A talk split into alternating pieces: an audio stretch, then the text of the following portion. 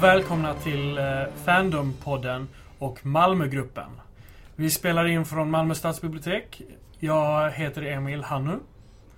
Jag heter Simon Lundin. Och jag heter Linnea Sternefelt. Och eh, idag ska vi prata lite om eh, hur vi väljer böcker och varför vi läser de böckerna som vi gör. Så om eh, du ska se en alldeles... Eh, om du ser en alldeles ny bok i bokhyllan på science fiction-bokhandeln, där jag antar att de flesta som bor centralt handlar sina böcker. Eh, vad är det för grunder ni väljer böcker på då, Linnea?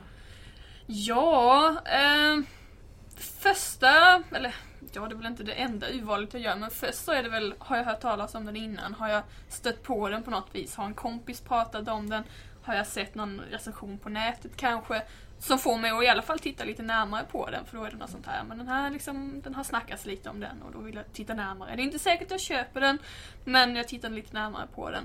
Eh, men det är också hur den ser ut, alltså jag har ju sett kanske mest e-böcker då, men böcker som har riktigt gräsliga omslag och de väljer jag bort baserat på det. Så det på något vis så har man en tanke i bakhuvudet att kvaliteten på omslaget också reflekterar kvaliteten på, på innehållet. Och det kanske inte alltid stämmer men jag vet inte, någonstans i bakhuvudet har man ändå det liksom. Kanske undermedvetet att man tänker det också.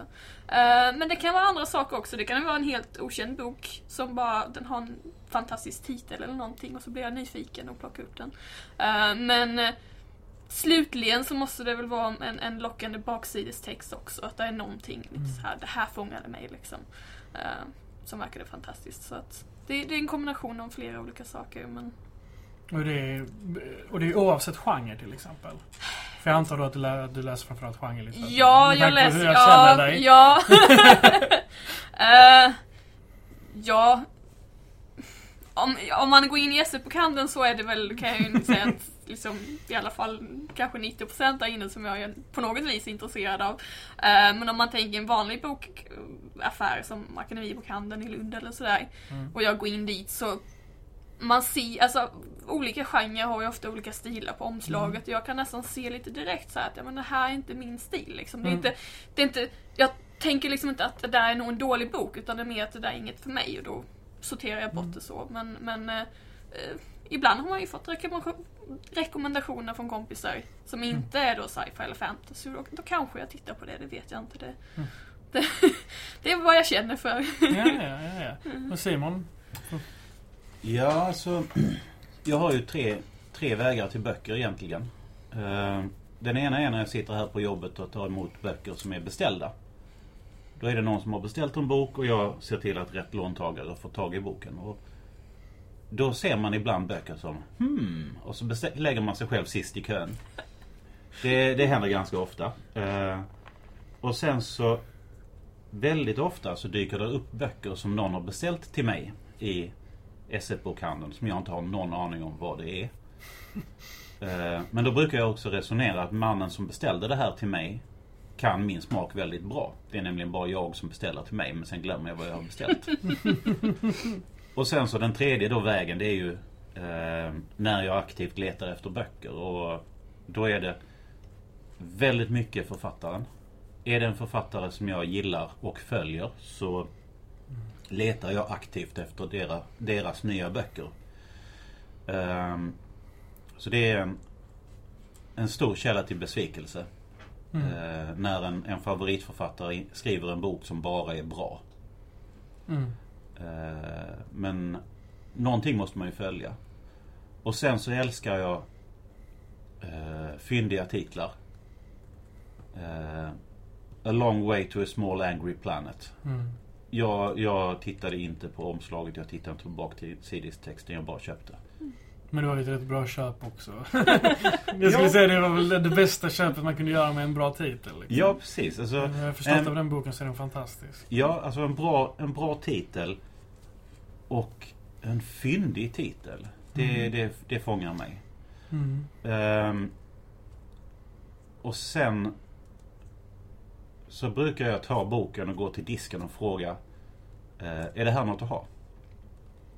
Mm. Och vi är ju Vi är ju i tre utav landets städer bortskämda med att ha fast anställd professionell personal som svarar på de frågorna. Professionell nördpersonal. Ja. Mm. Alltså nördfaktorn är djup i den, i den butiken. Jag, jag blev berättad eh, eh, Jag blev berättad för en gång att de, de måste anställa på så här nörd-CV. Mm. För att folk går och faktacheckar dem liksom. Där i butiken. Som man inte har läst liksom så här över 50 så här böcker på en viss lista. Eller, alltså, jag vet inte vad det var. Men det var så fick man inte bli anställd. Men det var ju sån här, det, det, det kan ju också vara lite så här, lite myt kring jobbet. Men det lät som en rolig grej i alla fall. Eh, ja, alltså när jag... När det gäller nörd-CV, det, det jag känner till är ju det att du ska ju ha ett nördigt CV. Mm. Eh, det är ju en av de få arbetsplatser där ett eh, Drakar och Demoner-formulär ifyllt efter din personlighet är mer meriterande än ett eh, snyggt CV i, i, i andra kretsar liksom. Jag blev fett sugen på att göra Drakar och Demoner formulär CV. Oavsett. Ja. Ehm, så när, det, det, det är liksom det som, jag, som fångar mig eh, när det gäller böcker som jag inte känner till någonting om. Mm. Eh, när jag däremot ser böcker i listor eller, eller recensioner eller intervjuer så är jag fruktansvärt svag för idélitteratur. Mm. Konceptdriven litteratur. Eh, en kul idé. En kul idé är en kul idé. Mm. Eh, en, en sån lista jag hittade på, på någon blogg någonstans djupt inne i interwebben var eh, Fantasy där geografin driver handlingen. Och eh, på den listan så har jag hittat en av mina ny, nuvarande stora favoritförfattare. Mm. Eh, Bradley P. Bullier. Hans eh, Winds of Kalakovo var på den listan. Är det 12 Kings of Shakai eller vad han heter? Precis, det är Ja. hans andra serie. Mm. Mm. Hans första serie var eh, var eh, Rysslands inspirerat. Mycket, alltså jag, jag är inte Rysslands expert. Jag är heller inte Mellanöstern-expert. Men det är uppenbart även för mig att det här är riktigt bra eh, research i eh, Mm. den första Rysslands inspirerade och den andra då eh, Mellanöstern, Sahara inspirerade. Men det, det handlar väl lite om immersionen. Alltså att man kommer ju inte kunna, om, om man tydligt upptäcker saker som man känner att det här är lite konstigt, det här är lite... Alltså om man hade känt att researchen var lite halvig så hade man inte blivit lika indragen i boken. Precis. Eh, det var till exempel därför jag släppte eh, The Goblin Emperor. Eh, därför att den var... Den handlade inte om alver och... och eh, den handlade inte om alver och eh, gobliner. Utan den handlade utom... Den handlade om lätt förklädda eh, fransmän och ryssar under Solkungens period. Mm. Mhm. Eh, för mig, när jag slängde ifrån mig boken var när de gick till den goblinska ambassaden och blev bjudna på eh, gurksallad. Och jag bara tänkte, är det här en rysk grej? Ja, det är en rysk grej. Söker du på gurksallad så får du upp liksom... Ja, Mm. Ja. så det, Ja. där flög den in i, i eh, återvinningshögen. Det är så kul för det är en sån, det är en sån otroligt älskad bok. Ja, ja visst. Jag har så många vänner som älskar den boken. Ja. Jag har läst den. Jag skulle inte säga att jag älskade den, men jag tyckte om den. Mm. Det var liksom, min erfarenhet av den var att den var väldigt trevlig att läsa. Men, Ja, alltså den var, den var trevlig men den, eh, den höll inte vad den lovade. Den lovade Mm. saker den inte kunde leverera. den, mina förväntningar av den uppfylldes. Men jag hade väl andra förväntningar än dig, antar jag. Jag förväntade mig att det skulle vara en eh, Goblin i en alv... eh, en Elf Court. Mm. Sorry. Det var det inte. Nej. Och, och därmed föll hela konceptet. När hela konceptet föll så var karaktärerna inte eh, tillräckligt eh, engagerande för att hålla mig kvar. Okej. Ja, ja. Eh, någonting som, eh, som jag älskar är ju... Alltså jag, jag brukar alltid se på böcker i tre delar. Mm. Det är världsbygge, det är handling och det är karaktärsbygge. Mm. Och eh, får jag två av tre så är jag... Då, då, då är jag som lycklig som en höna på julbordet. Jag har en fjärde del av dem. Jag har språket. Ja. i språket snyggt så kan det väga... Jag älskar ju Lovecraft. Ja. Men han har ju... Han har ju... Då är det språket och världsbygget. Han har ju Ja. inte karaktärerna eller storyn liksom. Ja. Så därför kan språket också spela roll för mig. Om man ska snacka om det. Ja, alltså språket spelar roll för mig. Det spelar väldigt mycket roll för mig. Men Mm. det är inte någonting som jag tänker på så aktivt. Mm. Jag gör väl det för att jag hela tiden vill, vill på något sätt arbeta med mitt språk. Mm. Med, med, med liksom min stil, hur, hur jag bygger upp min prosa. Mm. Så jag blir väldigt, väldigt så här: okej hur, hur skriver den här personen? Är det så här, korta meningar, långa meningar? Är det mycket Mm. relativa meningar? Alltså så. Så när, en av de grejerna som en sån här, en, en sån här wow-faktor. Mm. Eh, den svenska versionen utav Mamatka innehåller inga, inga ord med dubbelbetydelser. Mm. Eftersom att i den världen så formar språket verkligheten och därför kan du inte ha ett ord som har dubbel betydelse. Det skulle fullständigt motverka hela syftet med att ha en stabil verklighet. Så man kan inte vara gift liksom? Nej, tror jag inte. Eh, Det var väldiga problem att översätta ordet cement, eller nej, ordet betong till engelskan. Mm. Ah. Alltså, och, och det, det är liksom, jag, jag uppmärksammade språket när jag läste den men när jag fick reda på det här, alltså det var Häftigt. Mm. blew my mind. Ja, riktigt coolt. Mm, Jag tror jag bli, eller har blivit mer och mer medveten om språket. Mm. I och med att jag själv numera recenserar böcker mycket mer och eh, jag skriver också lite själv. Jag skriver inte med syfte att någon gång publicera utan jag skriver mest som en liksom, kreativ eh, outlet för mig. Mm, Att- ja, precis.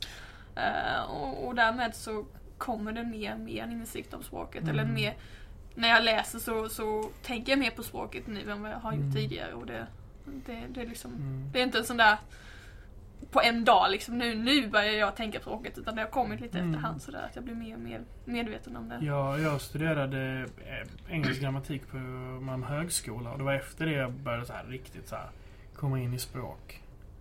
Tror jag faktiskt. Det var då. Mm. Um, men jag tänkte, det här med att köpa böcker. Jag hade bara tänkt säga att jag är den sämsta på att beskriva hur jag skaffar böcker. För att det är ofta så här, ja men den här personen på Twitter sa någonting kul. Och så kollade jag in i den och så hade det varit fem andra författare svarat på det och de var rätt roliga så därför läser jag en av deras böcker. Mm. Och så visade det sig att okej, den som var rolig var Mike Cole liksom. Mm. Så det, eller Young, Django Wexler. Alltså så här, för de är roliga på Twitter. Och jag kan tycka att det är en väldigt säljande faktor. Är man rolig på Twitter så är man oftast rolig i litteraturform. Mm. Det är ju ett av mina sätt. Och sen så, mitt värsta sätt som jag hittar böcker är att jag är så här. Jag vet inte vad jag ska läsa, jag vet inte vad jag ska lyssna på. Ingenting i hyllan fungerar, ingenting på hela Audibles hemsida fungerar. Sitter jag och skakar tills jag köper någonting i ren frustration. Och då brukar det vara så här. Ja, Jag, jag brukar bara så rent så här få fix i det. Nej, Men okej. Eh, nu ska det vara en, en författare som kommer inte från varken USA eller S- Sverige eller England. Och det ska vara, det ska vara liksom så en kvinna och så, bara, bara, så ska det vara fantasy och så ska, jag- ska jag hitta någon. Och så ska jag läsa det. Sådana idéer kan jag få och det är därför jag ska läsa vissa grejer. Mm. Så här riktigt. Eller så ska det handla om någonting jättespeciellt. Typ. Och framförallt, framförallt med ljudböcker vill jag jättegärna ha så här okej. eh, jag vill läsa typ den här, den här typen av skräck. Om Mm. jag vill ha Lovecraft-skräck så vill jag okej Lovecraft-skräck med den här typen av protagonist eller no- noir-inspirerad fantasy eller vad, alltså vad jag är Mm. sugen på liksom. Men jag tycker, för jag har ju med ett Audible-konto. Mm. Ehm, jag lyssnar inte jättemycket på ljudböcker för jag föredrar fysiska Mm. böcker. Men det blir ju en, en till dimension när man ska välja en ljudbok för att Mm. uppläsaren påverkar ju också väldigt mycket Ja, tycker jag.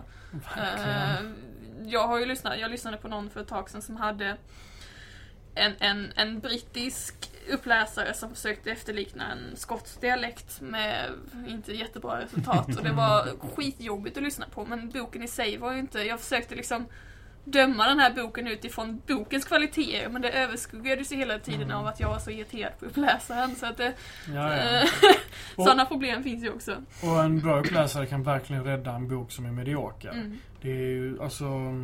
Det är helt galet faktiskt hur hur vissa uppläsare kan vara så bra och, och kan dramatisera dem. För det blir ju också en dramatisering emellanåt. Att, framförallt om det är en bok som är skriven i jag, alltså jag Mm. form liksom, så blir det nästan som en, som en monolog hela tiden. Ja. Och då, till exempel Dresden-böckerna har ju fantastisk uppläsning.